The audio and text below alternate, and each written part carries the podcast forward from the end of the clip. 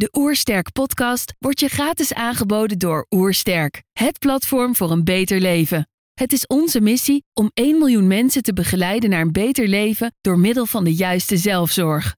Wil je weten hoe jij kunt werken aan een beter leven? Ga dan naar www.oersterk.nu gezondheidscheck voor onze gratis gezondheidscheck en krijg direct jouw uitslag met persoonlijk advies. Hallo, ik ben Jeroen Mol en welkom bij de Oersterk podcast.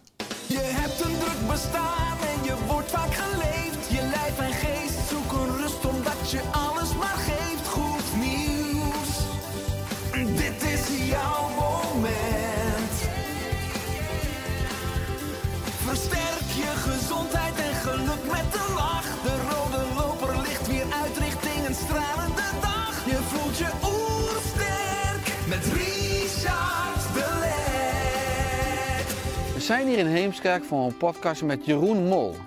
Jeroen is operationeel directeur van Landau Queenparks. Na de diagnose darmkanker in 2016 schreef hij het boek Dwars door alles heen. Ik ben benieuwd naar zijn tips voor een beter leven. Trouwens, geniet je van onze podcast? Laat dan een reactie of een review achter. Zo help je ons om het gezondheidsvirus te verspreiden. Let's start. De Oersterk Podcast. Een ontdekkingstocht naar een beter leven. Jeroen, welkom. Dankjewel.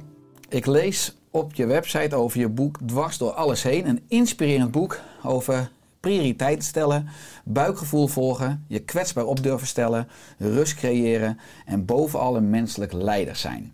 Hè, Want je was vader van een jong gezin en sinds 2012 lid van de directie van Landau Queenparks. Dus je had een drukke baan met geen ruimte voor verslapping. Begin 2016 blijkt je bloedarmoede te hebben en dan komt de nacht van 2 april 2016. Ja. En toen? Ja, ik had eh, na, na een zoektocht de, de, de, de, eh, op donderdag de diagnose darmkanker. Dat is dan nog onder voorbehoud, gek genoeg, want de arts eh, zegt dat hij dat vermoedt, maar de patholoog moet het nog vaststellen op basis van het weefselonderzoek. Maar er was eigenlijk geen enkele twijfel. En ehm, ja, dan krijg je hele gekke dagen daarna in een soort niemandsland, waarin je maar een beetje eh, gewoon doet wat je dacht te gaan doen om maar de dag door te komen. Ehm, en de nacht van zaterdag op zondag daarna eh, werd ik badend in het zweet eh, wakker. Ik wist helemaal niet wat er aan de hand was, kon het helemaal niet thuisbrengen. En ehm, nou, mijn vrouw heeft onmiddellijk het ziekenhuis gebeld van, nou, we zijn net bij jullie geweest, maar er gaat iets helemaal niet goed hier. Nou, het duurde even voordat daar doordrong eh, wat er, eh, hoe ernstig het was. En uiteindelijk zijn we zelf eh, in hoge snelheid daar naartoe gereden en lag ik in één keer op de intensive care met een bloedvergiftiging. Dus ik was in een, nou, een paar dagen van, van een zoektocht naar wat, wat markeer ik, om, waarom ben ik zo moe. Eh, en daarna lag ik met vijf, zes mensen om me heen die snoertjes en slangetjes aan het aanbrengen waren. En ja, dacht ik, dit gaat gewoon niet goed komen. Ik, ik, ga, ik, ga- ik ga het niet halen. Mhm. Ja, want eh, je was die nacht enorm slecht. Hè? Je vrouw Linda besloot om niet te wachten op de ambulance, maar zelf te gaan Ja, racen ja. jullie auto. eh, terwijl je jezelf, wat je zei, met enorme kracht met witte knokkels, dus, eh, dus vasthield ook Ja. in de auto richting de spoedeisende hulp. Dat hele proces ben je gaan opschrijven in het boek Dwars door alles heen. Waarom? Hè? Want ik lees ook dat je wel enige twijfel had om die woorden het papier toe te vertrouwen. Ja, het is begonnen met ehm, eh, nadat ik, nou, eh, eh, eh, ik heb de diagnose gehad, die bloedvergiftiging, ben kort daarna geopereerd. Ik kreeg tien dagen daarna het nieuws dat er geen uitzaaiingen zaten in de lymfe. en dat het medisch team besloot om geen chemo of geen bestraling toe te dienen.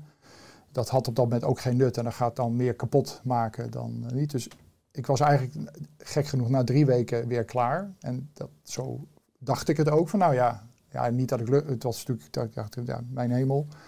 Maar dan kun je gaan herstellen. En dan denk je eigenlijk in hetzelfde tempo te kunnen herstellen. Nou, dat, dat duurde heel veel langer dan ik gedacht had.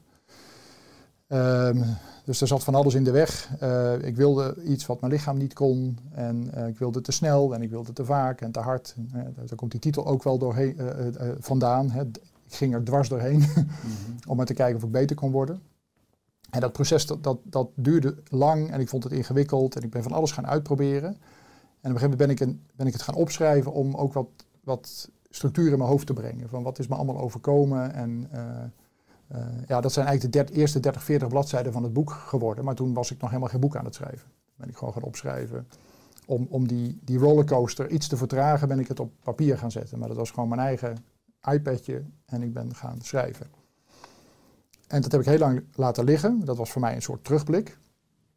En, en in de, nou, het hele proces wat ik doorgemaakt heb om, om eh, fysiek weer in orde te komen, mentaal eh, eh, sterker te worden en, en weer terug te komen op nou ja, en mijn, vader zijn van een gezin en een actief leven hebben en, en mijn werk weer te kunnen oppakken. Nou, alles wat ik daarin tegenkwam, dacht ik, wa- wat gebeurt je eigenlijk allemaal en wat is er, wa- wat is er eigenlijk ook weinig geregeld? Eh, je moet zelf heel erg zoeken. Eh, en, en toen merkte ik dat ik heel veel aanpassingen aan het doen was. Dus ging dingen uitproberen. Nou, het ene lukte, eh, sommige dingen mislukten ook valikant. En ik merkte dat die zoektocht me enerzijds verwarring gaf, want ik dacht het is heel ingewikkeld, want je hebt daar eigenlijk helemaal de energie niet voor, want je wil gewoon graag beter worden. En, en tegelijkertijd begon ik allemaal dingen te ontdekken die ik heel erg mooi vond. Ehm, dus eigenlijk anderhalf jaar nadat ik echt eh, flink ziek was geweest, dacht ik, hier moet ik wat mee. Want ik heb heel veel dingen ontdekt die hartstikke waardevol zijn. En waar ik denk eh, anderen wat aan kunnen hebben. En toen heb ik mijn eerste 30, 40 pagina's weer gepakt en ben eigenlijk op basis daarvan verder gaan schrijven. En, en het grootste gedeelte van het boek gaat ook niet over het ziek zijn. Het gaat over beter worden in, in alle opzichten. En uiteindelijk ook alle aanpassingen die ik gedaan heb in mijn leven. eh, in mijn privéleven, eh, eh, in mijn zakelijk leven, mijn eigen gezondheid. Ja, en dat, en dat maakt het hele verhaal. En, en, en, dan, en daarom is het ook een boek geworden. Omdat het niet alleen maar gaat over, ja, ik ben ziek geweest. Maar het gaat ook vooral over, wat heb ik er allemaal aan gedaan? En wat heb ik eraan gehad? En dan is het, dan is het grootste gedeelte daarvan, gek genoeg, heel positief. Niet toen ik er middenin zat, vond ik het verschrikkelijk. Ik vond het heel taai en heel ingewikkeld en heel emotioneel. Maar nu ik verder ben en denk, ja, ik heb hier eh, ongelooflijk veel van geleerd. En, eh, en dat probeer ik, eh, heb ik in het boek gezet. Ik probeer niet te vertellen wat een ander moet doen, want dat is dan iemand zelf. Ik probeer te vertellen wat ik gedaan heb en wat het mij heeft opgeleverd. En ik, en, en ik, heb daar zelf, ik haal er zoveel waarde uit en zoveel, ja, die inzichten zijn zo mooi. En tegelijkertijd helemaal niet ingewikkeld, maar soms is iets heel voor de hand liggend, maar zie je het toch niet. Eh, eh, dat ik, en dat merk ik nu ook, mensen die het gelezen hebben zeggen, ja, dit, dit, het zet me aan het denken. En, en ik pak er de dingen uit die voor mij belangrijk zijn en daar ga ik zelf mee aan de gang. Nou ja, en dan, dan is het voor mij het boek geslaagd. Dus, en, ja. Zo, ja, zo, is dat eh, Mooi gelopen. Ja. Ik ga zo inzoomen op een aantal inzichten die je in het boek deelt. Het boek kwam uit in april 2021, dus vijf jaar na de diagnose. Ja. Een aantal interviews heb je ook gehad in eh, media, waaronder de IJsselbode. en daarin staat, hij gunt het niemand om ziek te worden, maar voor Jeroen Mol was darmkanker uiteindelijk een zegen. En in het interview zeg je, mijn leven is er zoveel beter, mooier en waardevoller van geworden. Hoe precies? Ja, het is natuurlijk een, een, een, eh, bijzondere uitspraak. Want het, eh, ehm, toen ik alles aan het opschrijven was, toen dacht ik, ik, ik heb een heleboel dingen gedaan die misschien wel helemaal niet met kanker te maken hebben. Maar waarvan kanker de trigger was. En een trigger kan ook iets anders zijn. Dat kan een eh, burn-out zijn, dat kan een whiplash zijn, dat kan zijn je zit vast of je hebt geen energie. Dat kan van alles. Of helemaal geen trigger hebben en eigenlijk denken het gaat allemaal wel prima. maar er toch achter komen dat je iets anders wil.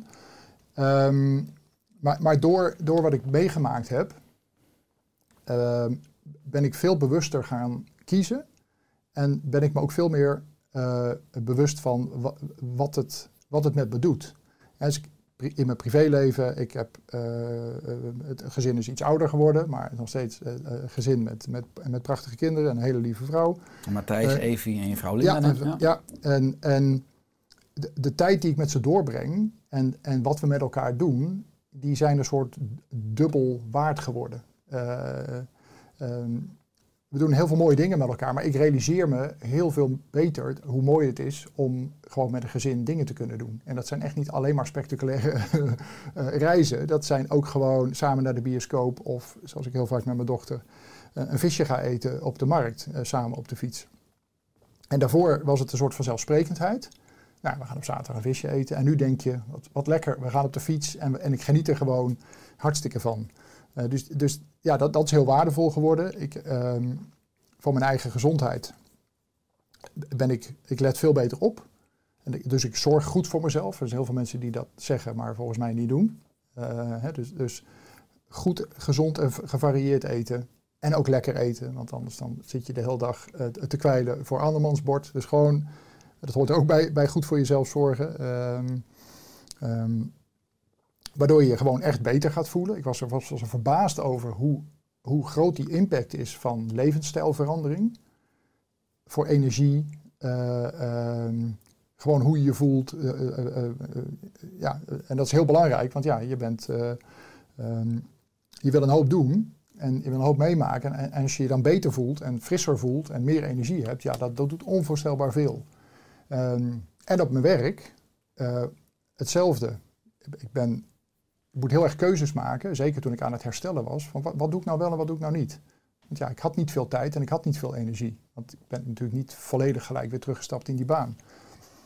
Maar door het maken van die keuzes heb ik een mechanisme ontwikkeld wat ik nog steeds heb. En wat ik nog steeds toepas, ook al werk ik weer volledig. En dan mag je je afvragen wat dan volledig is. Maar ik doe, mijn hele baan. Ik doe het in de, in, in, in, eh, zoals ik denk dat het goed is. Maar ik maak nog steeds heel bewust keuzes. Waar ben ik mee bezig? Moet ik dit wel doen?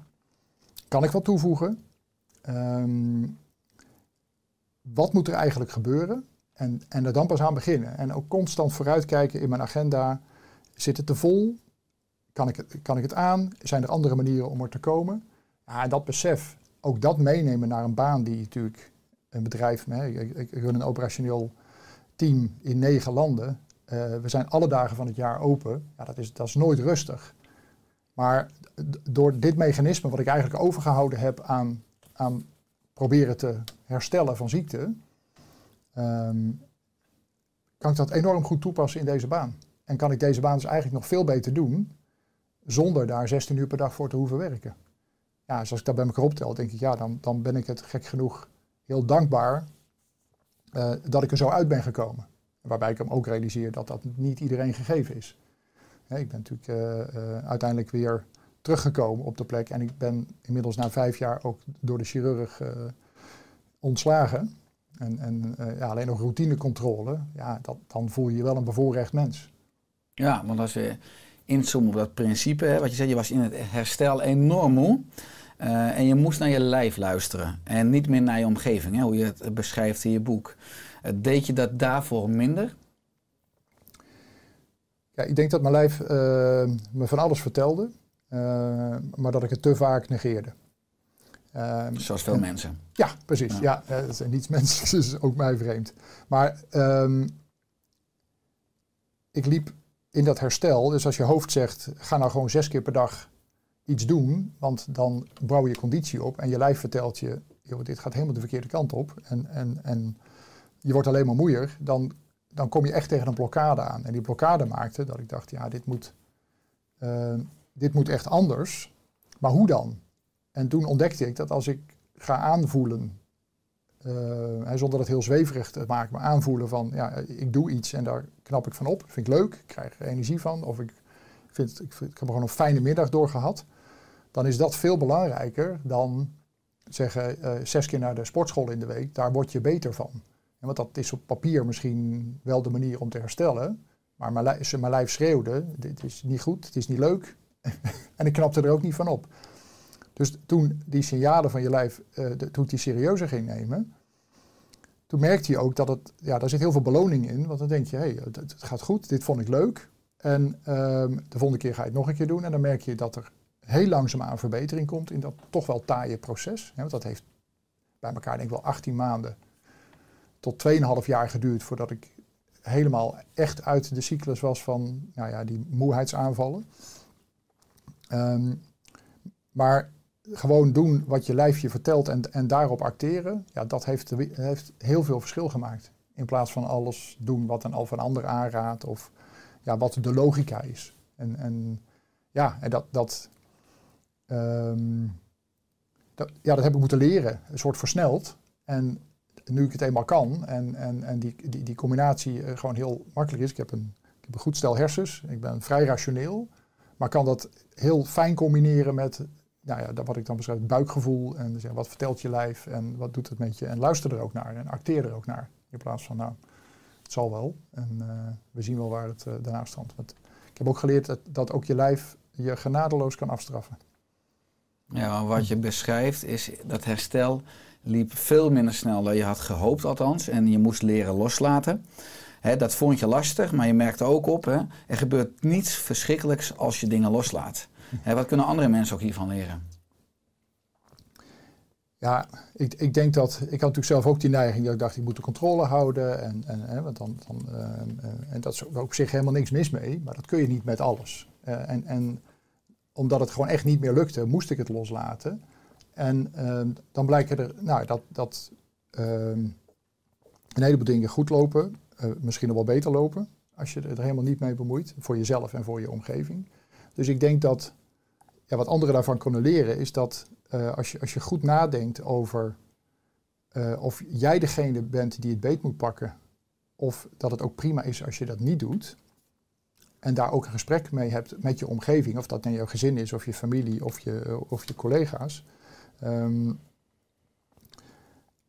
dan kun je best vaak tot de conclusie komen dat, als je er, dat het prima is als je er niks aan doet. Want we hoeven niet overal onze neus te laten zien. We hoeven niet overal bij te zitten en mee te vergaderen en mee te beslissen. Maar, dat, maar dat is wel een, ja, dat is bijna een, een, eh, een automatisme geworden. Dat, dat hè, een hoop mensen mogen eh, meepraten, meebeslissen, erbij zijn. En ik kwam tot de ontdekking dat in heel veel gevallen het helemaal niet uitmaakte of ik er wel of niet bij was. Zonder dat dat iets deed met uh, hoe ik mijn baan deed of hoe anderen naar me keken. Dus ik was nog steeds operationeel directeur en ik meldde me op de goede momenten. Dat is natuurlijk de kunst, hè, om je wel melden, om, om de goede dingen eruit te pakken. En de anderen ook los te laten. En dat geeft de, de, in dit geval de omgeving. Dus ik denk dat wat anderen daarvan kunnen leren, is dat als je dit gewoon gaat uitproberen, dan kun je niet in één keer op maandag besluiten en dan is het op dinsdag allemaal geregeld. Maar op, op deze manier proberen te werken, um, geeft heel, heel veel rust voor de mensen om je heen. Want eh, kijk, je bent er op de momenten dat het moet zijn en als er iets is, dan kunnen ze altijd terecht. Maar voor de rest kunnen ze hun eigen gang gaan. Ja, dat, is, dat is hartstikke fijn. Dat is heel krachtig, ook voor mensen. En, en dat zou, wil ik ook van, van mijn baas, want ergens heb ik ook natuurlijk weer een baas, een algemeen directeur. En daarboven zit nog een aandeelhouder. Maar het is fijn om te weten uh, um, dat er ook dingen zijn waar iemand zich niet mee bemoeit. Alleen ik had, ik had zelf niet die neiging, omdat ik heel veel energie had. En dacht, nou ja, dan pak ik het er nog maar even bij. En nu ik merk, zeker in dat herstel merkte dat ik een paar keer niet bij was en dat het dan prima doorliep, dacht ik, nou, dat is even hartstikke mooi. Want dan hoef ik me daar ook niet druk over te maken. En dat betekent dat ik energie overhoud en tijd overhoud voor andere dingen. Waar ik veel meer waarde kan toevoegen. De essentie, ja. En dat is waar, je, waar denk ik heel veel mensen wat aan kunnen hebben. Want uh, je overal melden en overal mee, dat worden hele lange dagen. En ik denk niet dat hele lange dagen heel lang vol te houden zijn. Dus als je dat tot een normale eh, werkdag wil beperken, zul je ook een heleboel dingen niet moeten doen.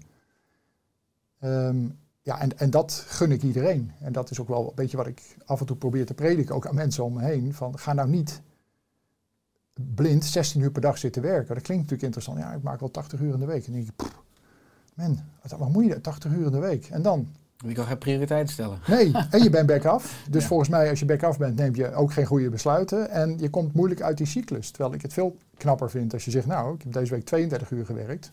Maar dat waren wel hele goede uren.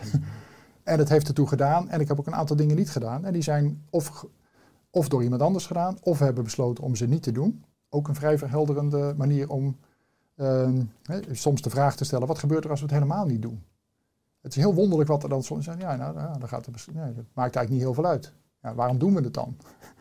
Ja, dan valt het gewoon weg. En denk, nou, dan, heeft nou, dan, heb je tijd en energie over om je op de juiste dingen uh, te concentreren. Ja, en, en, en dat is natuurlijk oneindig veel leuker. Ja, het is mooi dat je dan een beetje uit die maatschappelijke matrix moet stappen waar druk zijn ook een statussymbool is. Hè. Ga naar een netwerkborrel, je vraagt hoe is het en iemand zegt druk, denk je zo, dat gaat Ja. goed. Hè? Ja. Tenminste in de oude wereld. Wat ik mooi vind ook, dat je je proces beschrijft in je boek. En dat je in het herstel ook gebruik hebt gemaakt van een mix aan factoren. Hè, accepteren en loslaten. Luisteren naar je gevoel. Beter voor, voor jezelf zorgen door het stellen van prioriteiten. Goed ontspannen. Gezond en lekker eten, hè, wat je al net benoemd. Eh, lief zijn voor jezelf en je gezin. Aan de andere kant klinkt het ook allemaal heel logisch. Maar kreeg je deze adviezen ook vanuit de zorg? Of heb je deze formule zelf ontdekt? Nou, ik moet zeggen dat eh, ik, ik, vind het een, moeilijk onderwerp, omdat ik heel dankbaar ben voor uh, een arts die, die uh, heel scherp was. En het eigenlijk doorgezocht heeft en vanuit bloedarmoede dit gevonden heeft, want dan had ik er gewoon niet meer gezeten. Uh, goede chirurg, goed gedaan, heel prettig, alle nakontroles ook fijn. Maar daar houdt het wel, daarna houdt dat ergens wel op. Dus daar deel ben je heel dankbaar voor. Ook een groot stuk acute geneeskunde. Fantastisch ja, natuurlijk. Ja. ja. hartstikke fijn. En niets dan lof. Mm -hmm. en en het, dit is, ik heb natuurlijk een traject gehad met zeg maar echt een medische interventie. Daarna geen nabehandeling met een traject van jaren. Waarbij je dan waarschijnlijk beter begeleid wordt. Maar dat had ik niet. Dus ik ben, ik ben zelf dat gaan, gaan, uh, gaan zoeken. Um, kon ook weinig, weinig houvast vinden informatie of uh, ja, dan kom je een stukje bij de Maag- en daar zit een stukje bij KWF. En, en nou, boeken is ook moeizaam vinden. nou, de Arbodienst, dat beschrijf ik ook in mijn boek, dat, dat was echt een afknapper, onvoorstelbaar. Dus ja, ik ben het wel een beetje bij mezelf bij elkaar gaan sprokkelen. En ben het gaan uitproberen om, om te kijken wat er allemaal werkt. Maar dat, ja, dat, dat, en ik, het lukte mij, maar Um, ik kan me heel goed voorstellen dat als dat, als je dat niet lukt, of als je die energie niet hebt, of, of uh, het gewoon niet overziet, ja, dan, dan raak je wel verstrikt. En dat vind ik eigenlijk best, best heftig. Dat je gewoon kunt verdwalen in, ja, hoe, hoe word ik nou daarna beter? Uh, en, en, ik merk nu ook aan heel veel mensen die zeggen, ik ben zo blij dat je het opgeschreven hebt. Want ik had het ook. Maar ik krijg veel onbegrip. Uh, hè, want herstel duurt lang. Bij mij ook. Ja, wat is er toch uit? ja, het is eruit. Maar dus er zit geen kanker meer in mijn lijf, maar mijn lijf is nog echt niet beter. Het, um, dus je vecht ook tegen, ja, toch wel een, een deel vooroordeel van, uh, um, ja, maar ik zie ook niks meer aan je. Uh, nee, dat klopt, je ziet niks meer aan me, maar ik voel me echt nog niet fit. Um, dus de, de, de, ja, die zoektocht, die, ik vind het eigenlijk zonde dat ik hem heb moeten doen. Ik het heeft me heel veel opgeleverd. maar ik denk niet dat het, dat, het, dat het rocket science is om Um, een, een, patiënt die, en of dat nou kanker is of uh, een dubbele bypass, hè, je hebt natuurlijk heel veel momenten in je leven dat je denkt, nou, nou wordt het, nou wordt het echt serieus spannend. Dat, daar, dat het iets helderder wordt wat, wat je allemaal te wachten staat. Um, zonder dat je moet bepalen wat elke stap is, maar gezin, je eigen gezondheid, het heeft impact op je werk, het heeft impact op het kunnen kopen van een huis of niet.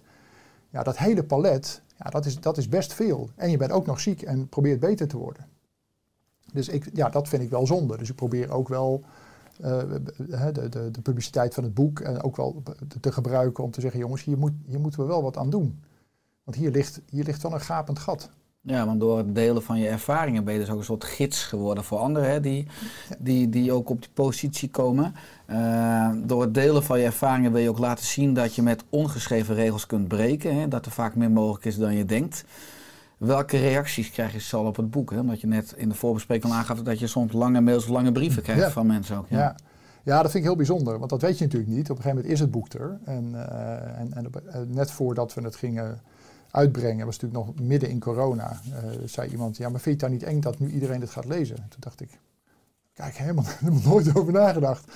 Uh, want ik heb het opgeschreven, ja, het verhaal moest er gewoon uit. En, uh, ja, en, dan is het natuurlijk best spannend om, om te horen hoe het ontvangen wordt. En uh, ja, ik had de, de, de eerste lezer, die, die, die wist dat ik het ging uitbrengen, die had gelijk besteld. En die kreeg het smiddags en die appte s'avonds om half tien kunnen we bellen, want ik heb het boek gelezen. En die, was, die, was, die was zelf, uh, had zelf darmkanker gehad. En die was, uh, die was zo geraakt en, en had er zoveel aan gehad, omdat hij eigenlijk zei, ja, ik, ik, ik heb hele stukken helemaal nog niet verwerkt. En het, heeft, het helpt me nu weer om, ja, helaas brengt het wel allemaal weer boven. Uh, maar ik ben er heel blij mee, want nu kan ik er wat mee. Dus ja, dat vind ik heel mooi, dat dat, dat, dat het doet. Um, En ik heb heel bewust gekozen om niet, een, om niet te vertellen hoe je dingen moet doen. Want die wijsheid heb ik helemaal niet. Het is, het is, ik, het is mijn verhaal. Uh, en ik hoop alleen dat het inspiratie biedt voor mensen die zeggen, geef het nou niet op. En ga nou eens zoeken naar wat wel werkt. En, maar luister ook vooral naar jezelf. En niet alle, hè, want je, je, krijgt wel honderd adviezen, maar je kunt ze niet allemaal opvolgen. Dus dat vind ik fijn, dat dat het bij mensen doet. Um, en ook ja, een aantal mensen die het gelezen hebben, die niks levensbedreigends hebben gehad. En toch zeggen, nou, ik, ik vind de, de, de, dingen die je gedaan hebt, ja, daar kan ik eigenlijk wel wat mee. Want, en dat, dat is ook wel wat ik schrijf. Uh, veel van de dingen hebben helemaal niks met die ziekte te maken. Uh, maar ik denk dat ik wel de trigger nodig had om ze echt te gaan doen. Want als ik het, als je het he helemaal opsomt van wat heb je dan allemaal aan aanpassing gedaan, zeggen heel veel mensen, ja, maar dat is vrij logisch. Dat klopt. Maar ik denk dat heel weinig mensen het ook echt doen. Of het wel proberen, maar het niet volhouden. Ja, en dat, dat is. Uh, en, en dat vind ik het mooie, dat, dat, het, dat het boek uh, dat doet bij lezers. En dat ze enerzijds zich gehoord voelen en anderzijds ook denken, ik kan er wat mee en ik ga er op mijn manier wat mee doen. Ja, dan, dan, dan is mijn boek meer dan geslaagd. Ja, wat je zegt is dat uh, de impact van ziekte veel groter is dan alleen maar op je eigen lijf, maar ook het hele systeem waar je in zit. Nou, ik gaf eerder aan, je bent getrouwd met Linda. Uh, jullie hebben twee kinderen, Matthijs ja. en Evie.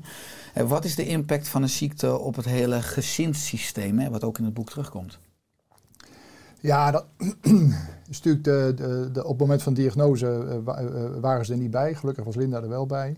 Ja, we kwamen thuis en toen was het lunchpauze, dus we zaten thuis een boterham te eten, maar dan ga je dat niet vertellen. Uh, dus dat hebben we pas s avonds gedaan. Ja, kinderen waren toen vier en zeven. Dat is, dat is een, een, leeftijd waarop het lastig te bevatten is wat het dan echt betekent. Dat, dat, dat je vader ziek is. Um, hè, waarbij ook nog echt een verschil. Hè, mijn zoon, zeven, die had het wel goed door. En die begreep ook echt wel dat dit serieus mis kon gaan. Mijn dochter had dat op dat moment gelukkig niet. Dus nu 12 en 9? Ja, ja. ja. Uh, ja, net, net, uh, net tien. Gefeliciteerd. Ja. En morgen dertien, ja. Dus twee tieners in huis, ja. mooi, mooi. Ja, dus dat... Um, dus en, en in die paar weken dat het natuurlijk allemaal uh, ja, heel spannend was, ja, gebeurde er heel veel. maar we zijn er... Um, dus ik ben niet heel lang van huis geweest. Ik ben ook niet... Um, heel lang behandeld geweest, waardoor er heel veel impact zit met nou, constant ziekenhuis in, ziekenhuis uit. Maar goed, wel, wel heel vaak controles gehad natuurlijk. En daar hebben, we gewoon over verteld. En dan, dan kunnen ze er ook wat mee, dan, dan um, kunnen ze er een vraag over stellen als ze dat hebben. Uh, en dat gebeurde niet heel vaak, maar dan, ja, ja en passant praten we er toch zo over, zonder het al te zwaar te maken. Uh, nou ja, en mijn zoon die heeft echt wel een paar keer doorgedacht en die, die was wel echt in de war. En die, had ook wel, die realiseerde zich ook echt dat het, dat het mis kon gaan. En uh, ik heb veel boven op zolder zitten schrijven. En dan stond Matthijs links achter me. En dan stond hij met een schuin oog mee te kijken uh, als ik aan het schrijven was. En dan en vroeg ik ook aan hem. Ik zei, wat, wat doet het met je? Ja, ja, ja ik, vind het wel, ik vind het wel heftig. Wel heftig. En hij vindt het hartstikke mooi dat het een boek is geworden. Ehm, maar het is natuurlijk het, het is, het is hartstikke impactvol. En, en, en voor de kinderen en voor Linda ook, ja, die had uh, in één keer een, uh, een ziek iemand in huis. Ja, daarvoor was ik al, voelde ik me al waardeloos, maar dan, in één keer was ik gewoon een ja, patiënt en draait het alleen nog maar om mij. En, en, en om, om, om daarna weer beter te worden. En zij heeft eigenlijk alles eromheen moeten runnen.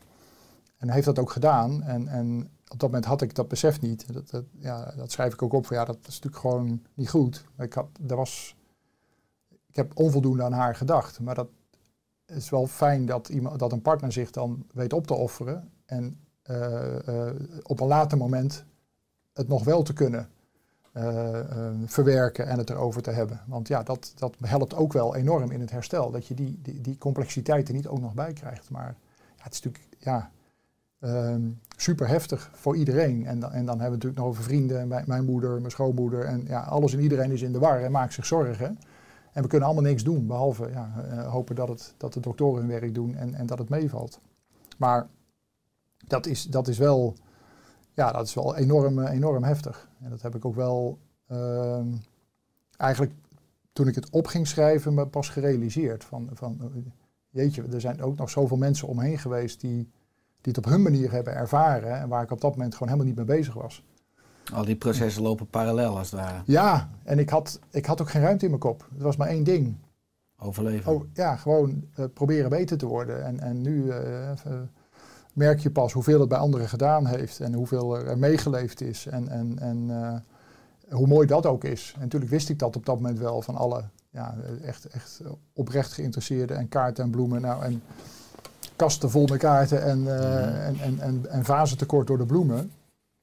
Maar ook emotioneel heeft het veel meer impact gehad dan. En, ja, dat, en dat begin ik me nu te realiseren. Nu ook ja, sommige mensen heel dichtbij staan, ook het boek hebben gelezen en denken zo, poeh. Ik heb toch even met de tranen in mijn ogen gezeten. dacht ik, oh, wat, wat, wat heftig allemaal. Nou, die mensen hebben ook van alles doorgemaakt. Ja, dat, dat, dat is ook eh, ja, dat, dat is best eh, confronterend. Ja. Ja, je schrijft heel mooi in je boek dat je hebt geleerd om beter te luisteren dus naar je buikgevoel en naar je hoofd en je lijf, hè, die combinatie. Dat je ook ontspannen moet leren. Hoe zorg je nu ook weer helemaal actief bent uh, in je werkzaamheden? Uh, ervoor dat je dus balans houdt in je leven. Heb je dus nog steeds een soort optimale blauwdruk voor een dag? Ja, ik heb, ik, ik bedoel, een, wel een gek bestaan. Ik, ik, ik reis nog wel uh, regelmatig. Ja, corona heeft dat tijdelijk stilgezet, maar dat, ja, dat is wel mijn normale bestaan. Um, en ik moet ook gewoon mijn werk doen. En dus er is, er is in die zin geen dag hetzelfde. Maar paar dingen zijn belangrijk. Um, ik neem tijd om te eten, ook tussen de middag. Dus niet met een volle mond zitten vergaderen of ergens snel een broodje pakken. Gewoon even een moment op de dag even, al is maar 20 minuten, maar gewoon even eten en even over iets anders hebben. En um, ik ben vrij selectief in wat er wel en niet in mijn agenda staat. Dus ik, ik, probeer echt wel de baas over mijn eigen tijd te zijn. Natuurlijk lukt dat ook niet altijd. Er zijn ook gewoon dingen die moeten. Um, maar um, proberen de, de dag zo te plannen dat die niet van, van begin tot het eind helemaal vol zit. Want A, het loopt altijd uit, waardoor je een soort uh, domino uh, krijgt. En twee, je komt er zelf ook niet meer aan toe, want je rent van het ene naar het andere onderwerp. En, en bij mij komen er heel veel verschillende onderwerpen op een dag voorbij, maar ik moet overal wel mijn hoofd bij hebben. Dus ik probeer ja, gewoon echt wel letterlijk te pauzeren. En dat kan even een ommetje zijn, even een bak koffie drinken. Of gewoon de vergadering in te korten door te zeggen, jongens, volgens mij zijn we eruit en we kunnen nu ook stoppen.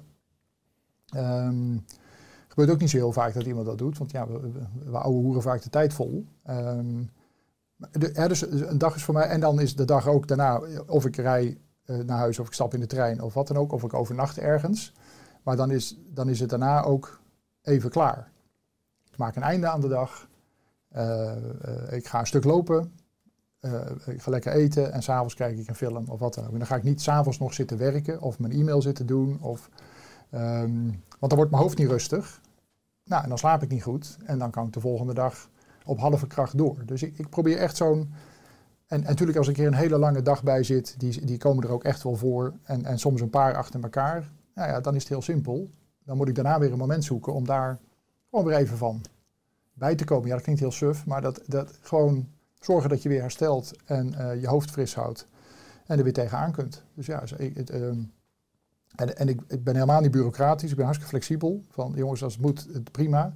En als je tijd houdt in je agenda, kun je ook veel makkelijker flexibel zijn dan wanneer alles vol zit. Want als alles vol zit en er gebeurt iets, denk je, ja, ja, dan moet ik vier dingen aan de kant schuiven. En nu heb ik soms ruimte en dan denk ik, nou mooi, dan kan ik daar die tijd aan besteden. Dat geeft heel veel rust. Echt hartstikke fijn. Ja, het is uh, krachtig hoe je dat beschrijft. Ook vanuit het perspectief dat heel veel mensen chronische stress hebben en heel veel mensen de hele dag doorjekkeren. Ja. En ook chronisch uit balans. En veranderen eigenlijk pas als er noodzaak of pijn is. Hè, als ze met hun hoofd tegen de muur lopen of bijvoorbeeld zo'n ernstige diagnose krijgen. Is dat in jouw optiek een gemiste kans? Hè? Is er een soort aangeboren iets om gewoon maar te jekkeren en dat we pas eigenlijk echt prioriteit te gaan stellen en echt aandacht gaan hebben voor datgene wat echt belangrijk is, de essentie, in plaats van al het urgente, waar we vaak door afgeleid zijn. Uh, dat we dat niet al in essentie doen of misschien al leren? Ja, ik, ik, denk dat het je voor, een groot gedeelte overkomt. Uh, want uh, er zijn veel prikkels, er zijn veel dingen die je moet. Er, er is, uh, ja, ik ben niet opgegroeid met social media, maar ja, er is geen ontkomen meer aan nu. dus ik denk dat, dat het je overkomt. Ik, ik denk dat natuurlijk ehm, beziekte of iets anders heftigs, waardoor het gewoon niet meer gaat, dat, dat kan het besef aanjagen dat het ook anders kan. Maar wat nog veel mooier is, is dat, de, tenminste dat denk ik, dat de, de, de beloning die je hebt en krijgt op het moment dat je niet meer alles doet en niet meer constant doorjekkert, die, die voel je pas als je dat gedaan hebt. Dus eigenlijk weet je niet beter en denk je, nou ja, dit is, dit is een normaal leven. S'avonds nog eh, eh, Facebook en om half elf nog even je mail bekijken. En, en s ochtends uh, vroeg alweer bellend in de auto stappen. Omdat je eigenlijk niet beter weet. En terwijl als je gevoeld hebt van, joh, dat je kunt ook om half zeven s'avonds, om zeven uur s'avonds stoppen met werken. En als je dan een leuke film hebt gekeken en je, je gaat gewoon helemaal relaxed je bed in. En de volgende dag sta je er weer. Ehm, ja, dat moet, je, dat moet je even ervaren voordat je denkt, ja, maar, maar het kan ook echt anders. En, en daar kan ook iemand wat tegen je zeggen. Maar dat, ja, ik denk dat het, dat het, dat een, boodschap is die moeilijk is aan te nemen. Dat veel mensen denken, ja, ja, dan kun je maar wel roepen. Maar, of, maakt uit, ik heb, gewoon, ik heb er de tijd en de energie voor. Of toch ook niet de, de moed hebben om eens een keer te zeggen, joh, ik ga er gewoon, ik doe het gewoon niet. Ik, ik, ik sluit een account af, een van de vier. Je hoeft echt niet overal mee te stoppen. Maar ik, maak, ik, ik, ja, ik ga kiezen. Wat vind ik nou leuk en wat doe ik en welke dingen doe ik niet meer. Mhm. En welke dingen vind ik belangrijk in plaats van wat vindt iedereen belangrijk. En want als je iets post, ja, dan krijg je 16 reacties. En nou, dan kun je twee dingen doen. Of je post niks, of je reageert niet. Maar je moet wel een keuze maken. Mm -hmm. Want voor je het weet zit je in de cyclus van, nou ja, uh, actie, reactie en, nou ja, en gaat het maar door en door. En ik denk dat het wel anders kan.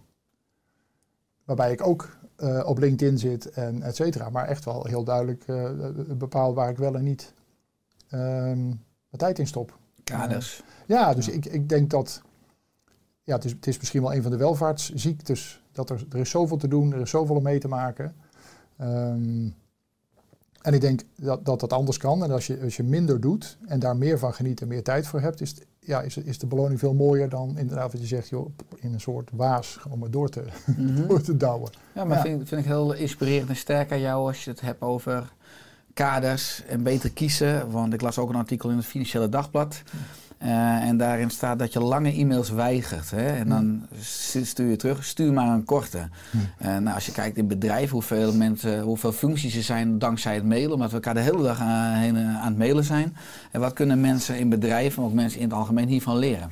Van eigenlijk om, uh, krijg eerst zelf duidelijk wat de essentie is en mail me dan. In plaats van een enorme lab tekst waar je zelf de essentie uit moet, ja, precies. moet filteren. Ja, ik, ik, het moet ergens beginnen. Hè? Dus iemand moet eens een keer zeggen, uh, hou ermee op. Of ik lees geen cc's.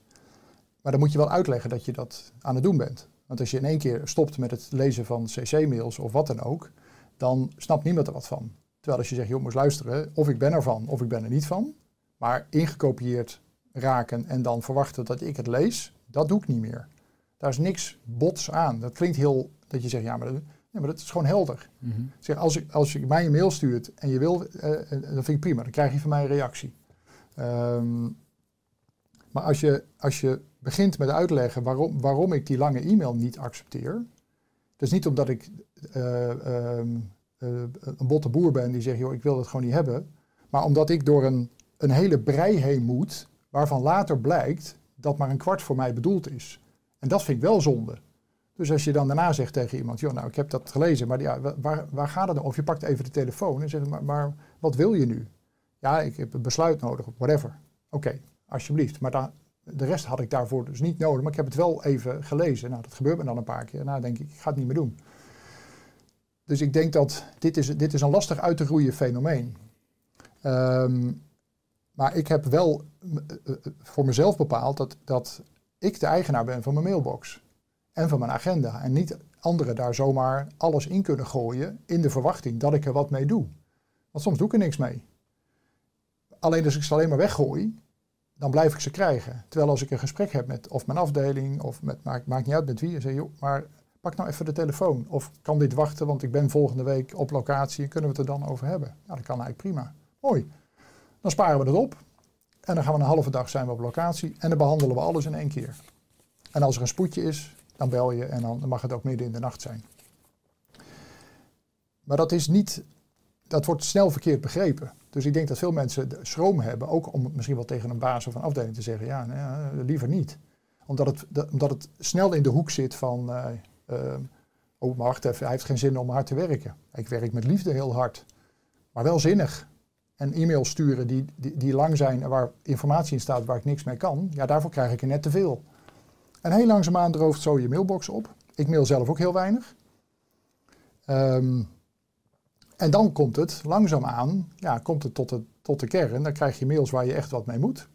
En die zijn dan ook meestal niet in drie minuten weg, want ja, dat zijn dan net even de wat grotere onderwerpen. En de rest gaat er ook aan wennen. Nou, dat vind ik hartstikke mooi. En, en, en sowieso denk ik, ja, pak gewoon de telefoon. 9 van de 10 keer. En nu is het helemaal makkelijk. Je gaat even eh, op een scherm en je hebt het erover en, en het is klaar. Want hoe vaak gebeurt het niet dat zo'n mail maar blijft rondzwerven met nee, maar dat bedoelde ik niet. Bel gewoon even. Ja.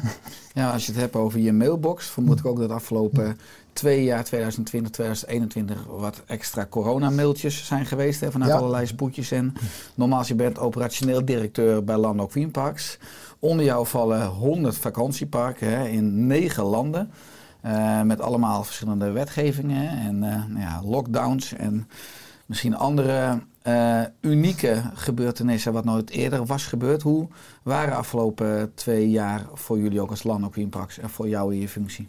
Ja, het was natuurlijk een, een, een, voor iedereen een surrealistisch scenario. En wat zo snel zich ontwikkelde dat we eigenlijk geen kans hadden om ons voor te bereiden. We moesten gewoon eh, acteren. Dus dat was letterlijk crisismanagement.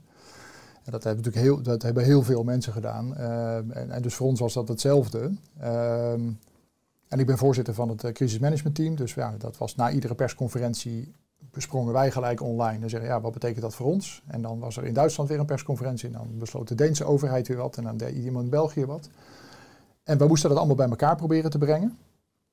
En in de tussentijd eh, onze mensen eh, eh, veilig houden, want ja, de, de, of ze nou, het parken nou wel of niet open zijn, corona was er wel. Hè, dus je, hebt, je bent als werkgever aan de gang. Je, je, je wil wat voor je gasten doen als je nog open kunt blijven, wat in veel gevallen niet zo was. Ehm, je moet het bedrijf er doorheen loodsen en je moet zelf overeind blijven. En het, de rest van het team ook, want ik was natuurlijk met een groot team bezig die crisis te managen. En ook toen weer was, was het heel verhelderend om te zeggen, er moeten waarschijnlijk 80 dingen gebeuren. Maar die tijd hebben we niet. Dus welke tien pakken we er nou uit die we echt goed gaan regelen. En de rest is of, jongens, doe het lokaal, want we, we redden dat niet centraal.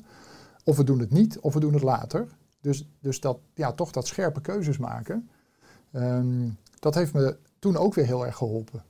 En op enig moment ook tegen, tegen iedereen gezegd: jongens, het is nu tien uur 's avonds. We stoppen. Het is klaar. Morgen weer een dag, hoe gek dat ook klinkt. En we gaan weer aan de gang. Want als we nu tot vannacht vier uur doorgaan, deze crisis is geen sprint. Dit wordt waarschijnlijk een marathon. En die moeten we volhouden met z'n allen.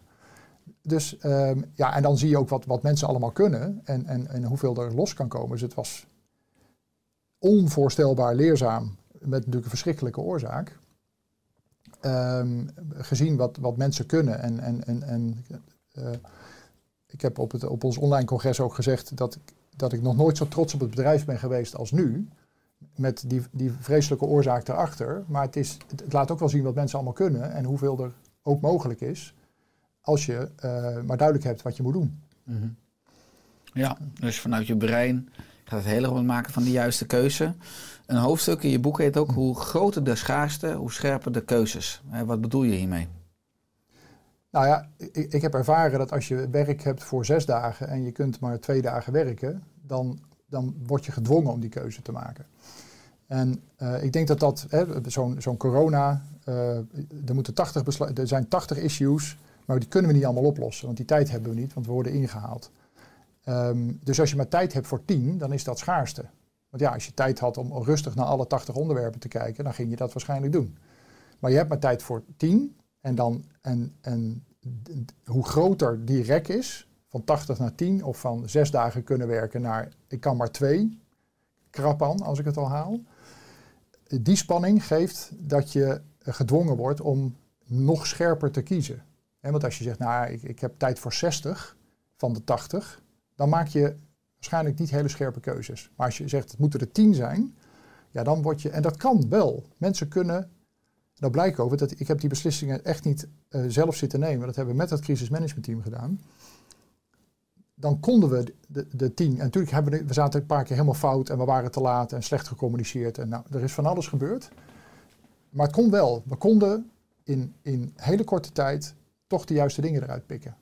Ehm, juist omdat het zoveel was en we dat eigenlijk niet konden overzien. Nou, dat vind ik toch een mooi mechanisme. Dat, dat, dat heel veel mensen dat kunnen. Dat ze zeggen, ja, maar als het nu echt op aankomt, zijn dat de dingen. En dan gaan we dat regelen. En de rest leggen we dus ook aan de kant. Want we hebben er de tijd niet voor. Ja, dus, die, die, die, dus ja, dat is mijn pleidooi. Hoe groter die rek is, en, en uh, in dit geval is het een crisis. Maar het kan ook gewoon zijn dat je, je werk, naar je werk kijkt. En ja, ik heb gewoon, weet ik veel, er lopen 60 projecten in een bedrijf. Ja, daar kan er geen enkel bedrijf aan. Dus, maar als het er dan 10 moeten zijn, welke 10 moeten het dan zijn? Dan, ga je echt anders kiezen dan wanneer je zegt, nou ja, we laten ze alle 60 maar doorlopen. Uh, dan komen ze of niet af, of ze duren te lang, of ze lopen uit budget. En als je de teambeet pakt, dan heb je in ieder geval kans dat je wel de deadline haalt en wel de eindstreep haalt. En dan kun je de volgende tien oppakken. Hè? Uh, en dan kan het, hoeven dat niet de volgende op het lijstje te zijn. Want het kan ook zijn dat blijkt dat een heleboel van de projecten die je had willen doen helemaal niet zo heel veel waarde hadden. Want ze staan nu weer niet op nummer één. Nou, dan kun je ze maar beter stoppen. Dus ja, die schaarste die vind ik, die is bij mij dan privé begonnen. Uh, maar die vind ik zakelijk gezien net zo interessant. Omdat scherp kiezen en uitleggen waarom je kiest. Uh, want daar, daar, kan de rest van de organisatie ook wat mee. Ja, dat, dat, is, dat is enorm waardevol. Eens, ja, dat draait ook in mij natuurlijk echt om leiderschap. Nou, je hebt meerdere teams onder je. Ik hoorde je zeggen in een interview in de media. Dat leiders geen zwakte mogen tonen, is in mijn beleving de grootste misvatting in het zakelijk leven. Ja. En hoe is deze mythologie ontstaan? En hoe kunnen we er beter mee omgaan? ja. Ook als leider. Ja, ja kijk, ik denk dat, dat van oudsher dat er toch wel een stigma zit op als je een leider bent, dan, dan sta je er, dan, dan ben je krachtig. En, uh, um, en dat wordt ook van stand gehouden door, nou, kijk maar gewoon wat er gemiddeld aan leiderschap te zien is. Dat zijn niet mensen die zeggen, nou, ik heb vannacht een slechte nacht gehad. Um, of ik lig in scheiding en ik ben even niet zo scherp. He, dat, dat, dat, dat, dat, dat, ik denk dat, dat, een, dat daar een taboe op rust. Um, dus ja, waar dat helemaal vandaan komt, dat weet ik niet. Maar ik zie het wel om me heen gebeuren. En, en ook bij mij werd natuurlijk gezegd: van, ja, maar ja, je ligt in de kreukels. En ja, ja, het is nu wel ingewikkeld om een team aan te sturen. Ik zeg, ja, maar ik stuur het team nu niet even niet aan, want ik ben niet aan het werk. Maar ik ben wel, ik ben wel mens en ik vind het ook wel fijn om ze weer te zien. Ik, ik mis het ook. Um, en toen ik weer startte, was het, dacht ik, ja, um, ik kan het niet eens verbergen, want het, want het zit er. En ik, en ik ben er nog niet. Dus ik wil maar ja, daar kan ik er maar beter open over zijn. En toen ik dat deed, bleken ze me helemaal niet minder als hun manager te zien. Uh, sterker nog, ze, eh, ze, vonden het alleen maar fijn, want ze wisten wat er aan de hand was. Ze zagen mijn worsteling. Ze konden er ook bij helpen. Nou, dat hebben ze ook gedaan. Maar dat heeft mij nooit uit positie gebracht. En uh, dus daarom denk ik dat, dat, dat kwetsbaarheid daar ook prima bij kan. Je hoeft niet al, je hebt niet overal het antwoord op. Je hebt niet er is geen enkele leider die nooit hoofdpijn heeft. Of, of, die een slechte nacht heeft, of die privé iets meemaakt wat, wat, wat hem of haar raakt. Maar er wordt maar zelden over gesproken. Dat ik denk, ja, wat maakt het? Je hoeft het niet de hele dag te, te, vertellen wat, uh, of het wel of niet goed met je gaat. Maar er zijn momenten dat je prima kunt delen. Daar word je niet minder leider van. Sterker nog, ik denk het tegenovergestelde. Dat, het, dat, dat heel veel mensen het heel fijn vinden om niet alleen voor een leider te werken omdat hij dat op papier is of op zijn visitekaartje, maar omdat het ook als mens zo is, met alles wat bij een mens hoort. Mhm. En, en dat is in ieder geval hoe ik ben en hoe ik, uh, en, en, en ik denk dat ik dat ook al was daarvoor, maar dat, dat, is natuurlijk, dat heeft wel een sprongetje gemaakt, omdat ik echt alles liet zien op dat moment. Nou ja, en, in het boek ook echt alles opschrijf, van toiletgewoontes uh, aan toe die veranderd zijn. Ja, ja, hoort er allemaal bij, hè? Eh, eh, exact. Ja, Sommigen zouden zeggen heel kwetsbaar. Ik zou zeggen het heel sterk. Maar je moet je, je ego dan temperen inderdaad. En je laat die totale mens, dat, hè, dat, dat complete mens zijn zien. In de Telegraaf hoorde ik je ook zeggen van dat uh, het proces je een beter leidinggevende heeft gemaakt. Hè? Uh, als we het dan hebben over het moderne leven, uh, wat in mijn optiek ook topsport is, is gezond worden, maar ook gezond leven in jouw optiek in het moderne leven topsport?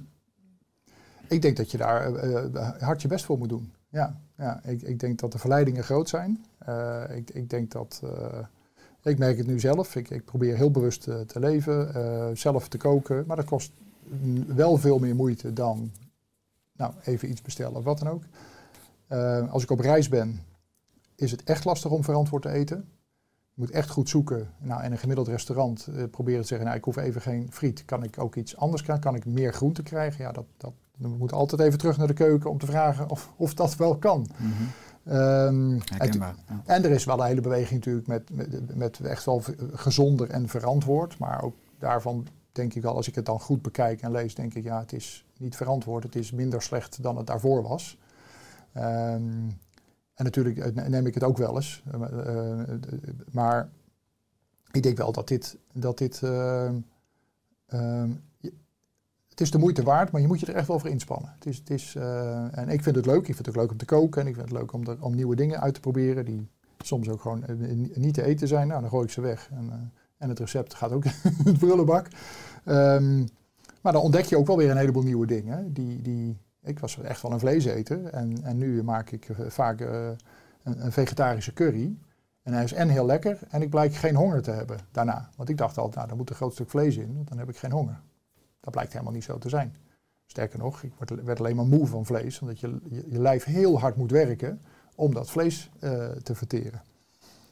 Maar ja, kijk maar naar de gemiddelde menu, menukaart. eh, is, is goed zoeken naar iets wat, wat, wat verantwoorder is. Dus, eh, ja, ik vind dat wel. eh, en, dan kan, ja, en dan kan ik het eh, voor een groot deel zelf oplossen. Maar ja, ik ben wel. ik denk wel dat het een.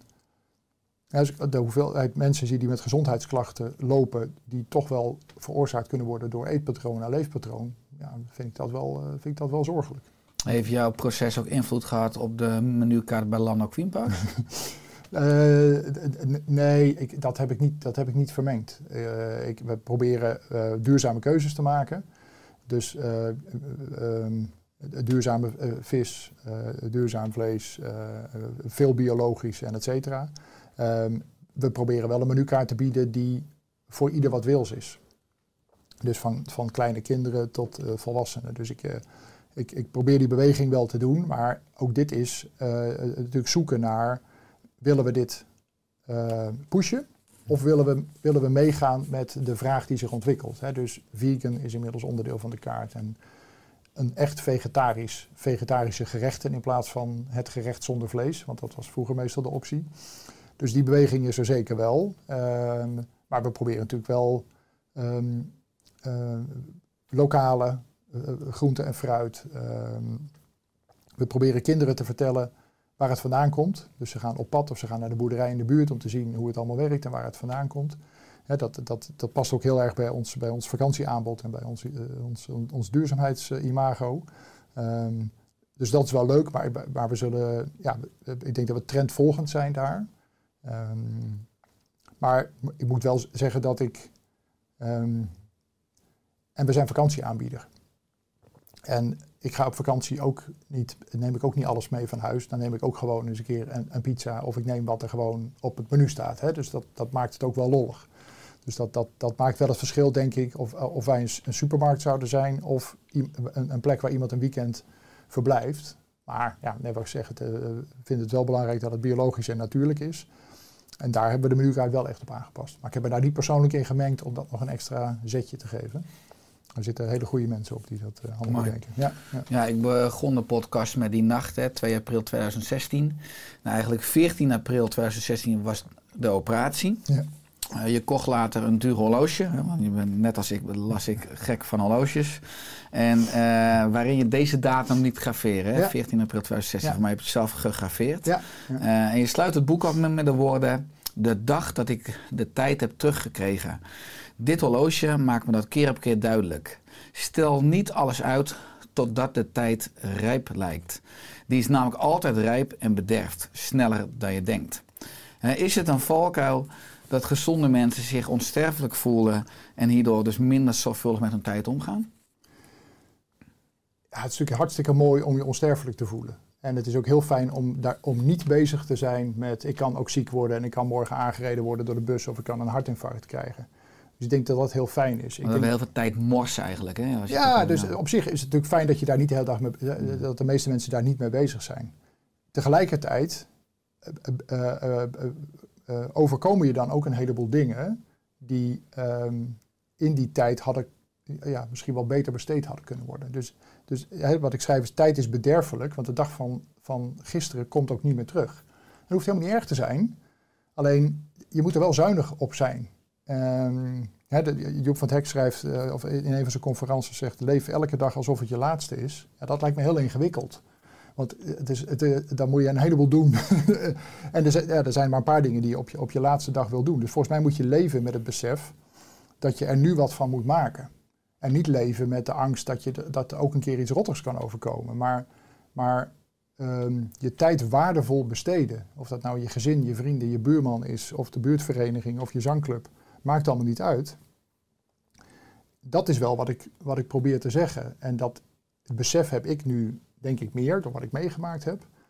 Uh, en, bij mij vliegt ook de tijd. He, uh, uh, deze week wordt mijn zoon 13 en dan zitten wij elkaar aan te kijken van, en wanneer is dat gebeurd? Dat hij tweede klas middelbare school en et cetera. Maar wil niet zeggen dat we, dat we niet bewust zijn van de, de tijd van vandaag en uh, hoe leuk die simpele dingen dan ook kunnen zijn. Dus dat is. En ik heb tijd teruggekregen omdat ik ook gewoon uh, eraan had kunnen bezwijken. Dus dat voelt natuurlijk als een enorm cadeau. Want ja, een bonustijd. Ja, Die, die tijd, dat is natuurlijk heel mooi. Maar dan prent ik me wel zelf in, maar gebruik hem dan ook goed. En, en, en doe de dingen, um, maar, maar doe ze bewust. En, en geniet er ook van. Hè? Want bewust, dat klinkt wat, wat somber, het helemaal niet. Maar geniet er dan ook van. Of van je werk en van je gezin en van uit eten gaan en van een vakantie. Want ja, jongens, het is, het is toch prachtig wat er eigenlijk allemaal kan. Ja, dat je meer in het hier en nu leeft. Zo'n bekende uitspraak. Gezonde mensen hebben duizend wensen en zieke mensen nog maar één wens. Hè, ja. gezond worden. Ja. Uh, je bent door het boek ben je auteur. Ja. Die titel krijg je. Uh, je hebt een goede functie hè, bij Lando Queen Parks. Fantastisch gezin. Heb je een bepaalde droom of missie nog voor aan, aankomende jaren? Nou, ik, ik vind het... Um ik vind het mooi om een verhaal te kunnen vertellen. Omdat ik denk dat er, ehm, dat er veel in zit waar anderen wat mee kunnen. Dus, dus ik, ik blijf doen wat ik nu doe. Ik heb die, die baan, uh, mooi gezin. Ehm, ik weet niet of er een tweede boek komt, want dan wil, vragen mensen, ga je nog een boek schrijven? Ik zeg nou, ik hoop niet dat ik nog een keer zo'n aanleiding heb. Maar misschien komt er wel nog een keer wat anders. Maar ik vind, ik vind het wel mooi om er nu in te spannen om enerzijds uh, bijdrage te leveren aan mensen die, die in vergelijkbare situatie zitten. Dus daar, hè, daar, probeer ik ook mijn tijd voor, voor vrij te maken. Uh, en tegelijkertijd ook in het zakelijk leven wel een stempel te drukken op, jongens, het hoeft geen 60 uur te zijn. We hoeven niet dag en nacht te werken. We hoeven niet altijd alle mails te beantwoorden. Dus toch een pleidooi te maken dat, dat, um, dat het anders kan. Zonder dat je daarbij achterover gaat zitten leunen. Want het gaat helemaal niet over dat je het niet wil doen. Maar ik denk dat het anders kan. Maar dat, dat lang niet alles wat we doen heel nuttig is. Dus daar wil ik me wel voor inspannen. En dan is een boek natuurlijk een mooi middel, omdat mensen dat kunnen lezen en er dan mee verder.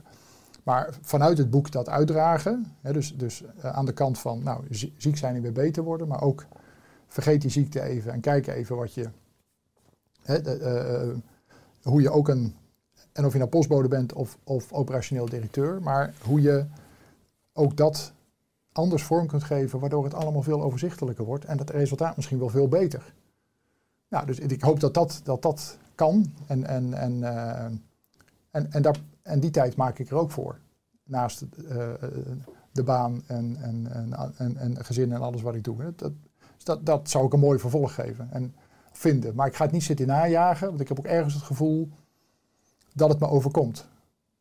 Dat je toevalt. Ja. Nou ja, en ja, ik loop er een keer tegenaan of er gebeurt iets waarvoor ik denk, nou, dit is, dit is nou precies waar ik naar zocht. Dus ik, ik zit dit niet meer af te dwingen en, uh, en op te zoeken. Uh, dat loopt, het komt, het, zoals nu ook. Ja, ik zit nu hier in een podcast, dat had ik natuurlijk twee jaar geleden niet kunnen denken. Nou, dat vind ik hartstikke mooi om het erover te hebben en, en ik hoop dat anderen er dan ook wat aan hebben. Maar mijn laatste vraag. Wat je enorm sterk doet in het boek, je bent enorm kwetsbaar uh, over het hele proces, de hele reis. Uh, we kunnen over je schouder meekijken in de spreekkamer, tijdens medische on, uh, onderzoek, in je badkamer, op toilet. Het onderwerp maak je heel toegankelijk, terwijl heel veel mensen zich heel ongemakkelijk voelen. Ja. het woord hun eigen aannames, een tumor. eh, heb je dat zelf ook ervaren dat bepaalde mensen ja, eh, door dat ongemak eh, je juist niet eh, aanspreken of bellen? Of dat er eh, wel eens situaties eh, ontstaan zijn waarin eigenlijk die openheid en die kwetsbaarheid van jou ook enorm leerzaam is voor die ander over kanker. Ja, het, het, is een beladen onderwerp. En natuurlijk eh, het, eh, gaat het er vaak over van hoe is het met je en et maar dat blijft dan toch wel wat, wat, wat oppervlakkiger. Ehm, het is heel, hè, dus als, eh, beschrijf ik ook in het boek, dat als ik zeg ja, ik heb een tumor gehad, dan denkt ongeveer de helft dat, dat het goed aardig was. Dat kan overigens ook, die zijn er ook, maar ja, die, die, die, die smaak had ik net even niet. Ehm, en toch ook wel mensen die er gewoon niet over beginnen. En nogmaals, we hoeven niet de hele dag alleen maar, goh, goh, wat erg. Maar dat is wel bijzonder als je een collega hebt die echt wel ernstig ziek is geweest en je het er gewoon helemaal niet over hebt. Dus je merkt toch dat het, dat het met afstand bekeken wordt. En misschien was dat ook wel door mijn functie. Dat ze zeggen, ja, maar ik ga niet aan een van die directieleden vragen hoe het met hem gaat. Of of hij het allemaal nog een beetje redt. Ehm, dus ik ben daar, en ik ben daar zelf open over geweest. Maar en natuurlijk de mensen die dicht bij mij staan, mijn eigen team, mijn mededirectieleden, mijn, mijn, baas toen. eh, daar konden we echt wel prima over, over praten. Maar als het buiten dat kringetje komt, dan wordt het toch al snel of, of, oncomfortabel of ehm, eh, heel, heel oppervlakkig.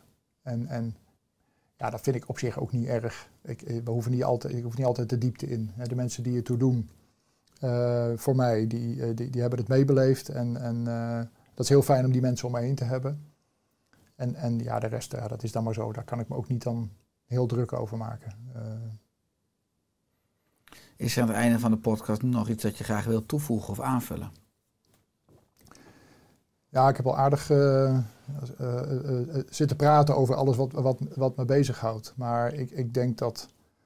ehm, wat ik heel fijn zou vinden is, is als, als, als we meer mensen.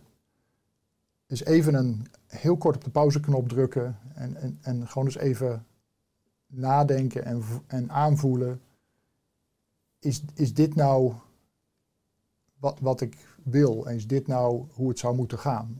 Ehm, en ik denk dat in veel gevallen er dan dingen uitkomen van ja, maar daar en daar en daar zit het gewoon eigenlijk niet lekker. En dan is mijn pleidooi en ga er dan wat aan doen. Als het je niet lekker zit, dan zit het je in de weg. En dan gaat het sluimeren en et cetera. En dan ontploft het een keer. Dus dat, dat zou ik mooi vinden als, als, als, we, ja, als ik mensen kan, kan aansporen om dat te doen. En, en dat hoeft helemaal niet zwaar te zijn. Je kunt gewoon even een moment van reflectie inbouwen en, en nadenken of, of er dingen zijn die je in de weg zitten. Ehm, en proberen ze dan ook echt te veranderen. Hè? Want ik, ik denk dat veel van wat ik gedaan heb, niet alleen was even het moment van, van, van inzetten, maar daarna volhouden. En dat is, dat is oneindig veel moeilijker dan even, veel, zes weken diëten. Eh, Het veranderen van je leefpatroon is, is heel veel ingewikkelder dan zes weken of acht weken ont, ontgisten, ontslakken en doen. En sapjes drinken en daarna weer eh, gaan eten. Je moet, je moet heel veel dingen veranderen. En dan moet je gewoon volhouden. Jaren, want anders werkt het niet. En, en, en, en dat lukt je alleen maar, dat volhouden, als je de intrinsieke motivatie hebt om er zelf wat aan te willen doen. En dan, en dan moet je de dingen pakken die, je- die je of het meeste opleveren, of die je in de weg zitten. Waar kunnen mensen meer vinden over jou, over je boek? Over Parks? ja, ja, ja, ja. Nou ja, Land Greenpark zullen ze kunnen vinden. ja. Ehm, ik heb een kleine website, eh dwarsdoorallesheen.nl. Eh, het boek is verkrijgbaar bij bol.com, bij managementboek.nl. En eh, natuurlijk via de uitgever Bertram en de Leeuw. Ehm, dus het, Mooi, dankjewel voor je komst Jeroen in de Roestek podcast. En dat we samen normaal mogen bijdragen aan meer reflectiemomenten en betere keuzes. dankjewel voor het mooie interview. Alle goed, dankjewel.